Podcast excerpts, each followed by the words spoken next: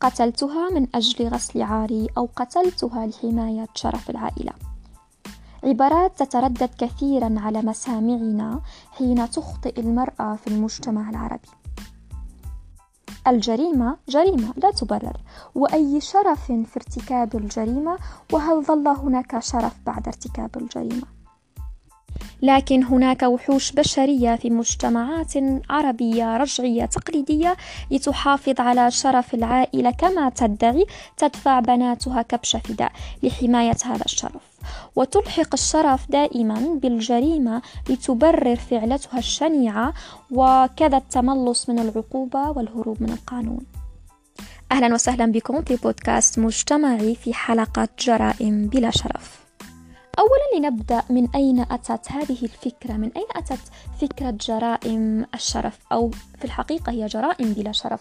من أين أتت هذه الفكرة؟ وكيف وصلنا إلى نقطة أين الرجل الشرقي اليوم يرى نفسه مسؤولا عن خطيئة الفتاة في عائلته؟ آه، يقتل زوجته أو ابنته أو حتى أخته حين تخطئ آه، وترتكب فاحشة الزنا؟ يضع نفسه موضع الجلاد القاضي أو حتى الإله. فيرى نفسه مسؤولا عن عقاب هذه الفتاة وكيف يكون العقاب؟ يكون بالقتل وبالتالي يغسل عاره بدم هذه الفتاة. ويرجع ذلك لأن المجتمع العربي يأبه كثيرا لصورته في المجتمع ويكابد حياته برمتها يحاول تلميع هذه الصورة. ويهتم لكلام الناس وما يفكر فيه الآخرون بشأنه. فينشأ من هنا الخوف من تشويه هذه الصورة وفقدان المكانة الاجتماعية. ففي المجتمع لا توجد خطيئة فردية لا يوجد قرار فردي. أي خطيئة أو أي قرار يمثل يرتكبه الفرد يمثل المجتمع.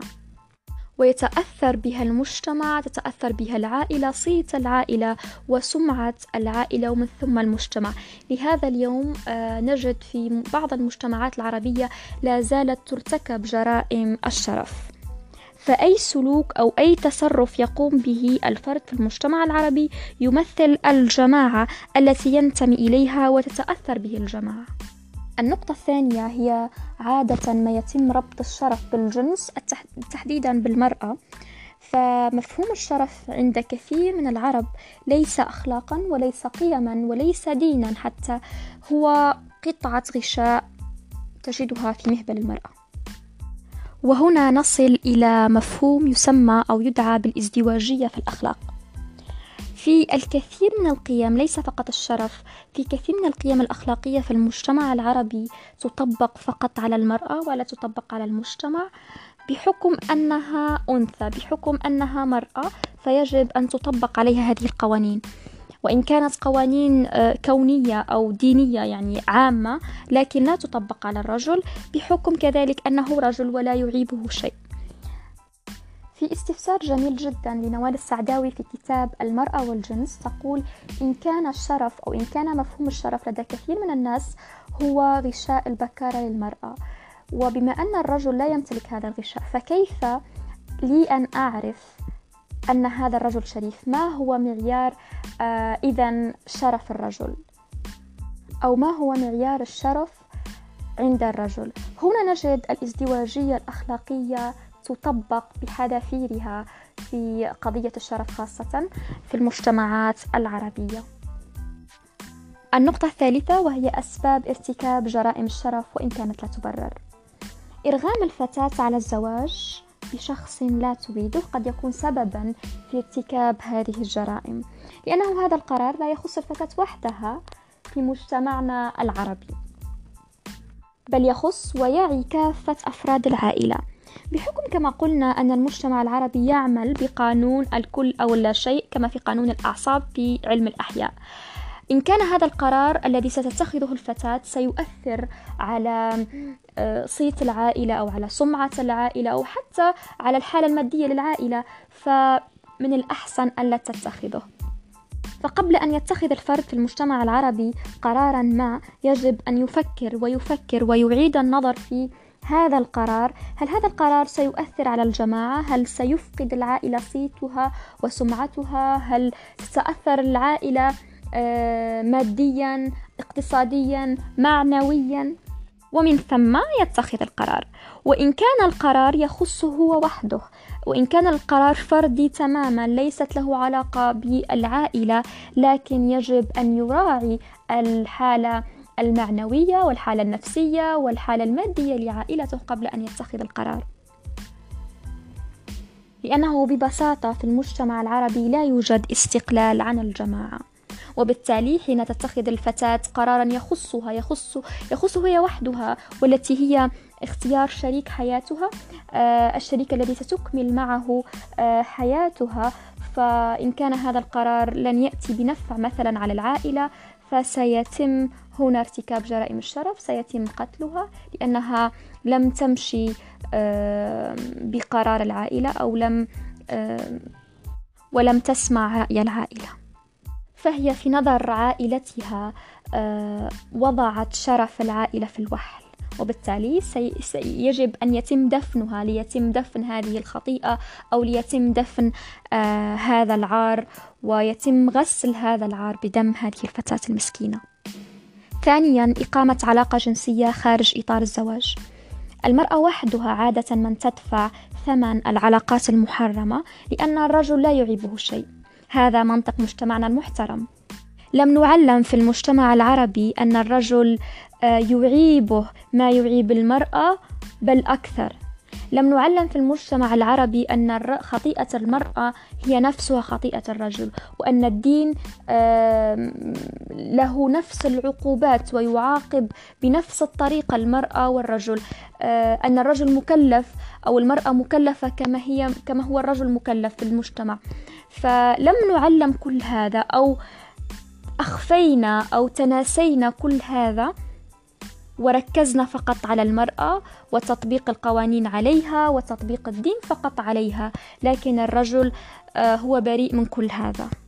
لأنه ببساطة المرأة هي من تحمل شرف العائلة بين فخذيها لأن الشرف في المجتمع العربي هو غشاء البكارة. إذ تم فقدانه يعني فقدان الشرف وعادة آه، ما يتم ربط الشرف بالغشاء البكارة. الغريب في الأمر أن الرجل لا يعامل بهذه الطريقة لا يعامل بنفس الطريقة كما تعامل المرأة ويتم كذلك ارتكاب جرائم الشرف في حقه. عادة ما آه، يتم التبرير للرجل عادة ما تجد المجتمع حين يخطئ الرجل عادة ما تجد المجتمع يحاول بأقصى جهد أن يجد تبريرات وأن ينبش من هنا ومن هناك على تبريرات ويفتش على تبريرات ليبرر بها للرجل آه، خطيئته ومن هذه التبريرات طي الشباب زلة الشيطان لعب عليه هي من أغرته تكاد لا تنتهي التبريرات لماذا؟ ببساطة لأنه رجل ثالثا الوقوع كضحية اغتصاب جنسي. فعوض أن يتم النيل من الجاني يتم جلد المجني عليه فيتم التخلص منها ويتم التخلص من النقطة السوداء التي أضافتها على الصورة البيضاء التي كانت تلمعها العائلة منذ سنين غابرة. فلا تستغرب إن قلت لك في مجتمعنا المحترم يتم إفلات المغتصب مجتمعيا وقانونيا وقتل الضحية لجلبها العار لعائلتها ولا يكفي فقط التبرير آه، للمغتصب بل يتم التبرير لقاتلها كذلك. لا يشترط أن آه، ترتكب الفتاة فحشة الزنا ليتم قتلها بدافع الشرف بل قد تكون مغتصبة قد تكون آه، مجرد إشاعات تم اتهامها بها فيتم كذلك قتلها بدافع الشرف. وما يؤكد كلامي هو وفقا للفحوص الشرعية تبين أن غالبية الفتيات اللواتي قتلن دفاعا عن الشرف كن عذارة أخيرا أود أن أذكر أمر ساهم في الحقيقة أمرين. ساهما في انتشار وتفشي آه، جرائم الشرف. القانون. في معظم الدول العربية اليوم آه، يتم تخفيف العقوبة لمرتكبي جرائم الشرف. لماذا؟ لأن المرتكب كان في نوبة غضب كان في نوبة غيرة على شرفه الذي ذهبت آه، به تلك المرأة. ف قتلها بدافع الشرف فيتم التخفيف العقوبة له لبضع سنوات أو حتى بضع أشهر.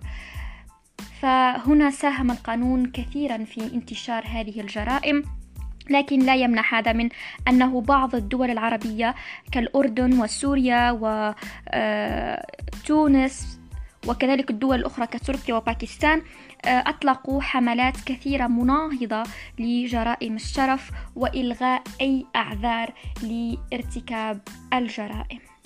الأمر الثاني هو عدم توفر الوعي الديني السليم لأن في الإسلام عقوبة وحد الزنا مماثل للرجل كما هو للمرأة. لا يوجد أي فرق أو أي فضل أو أي درجة في العقوبة أو أي تمييز آه، للرجل بل نفس العقوبة التي تطبق على المرأة الزانية تطبق على الرجل الزاني.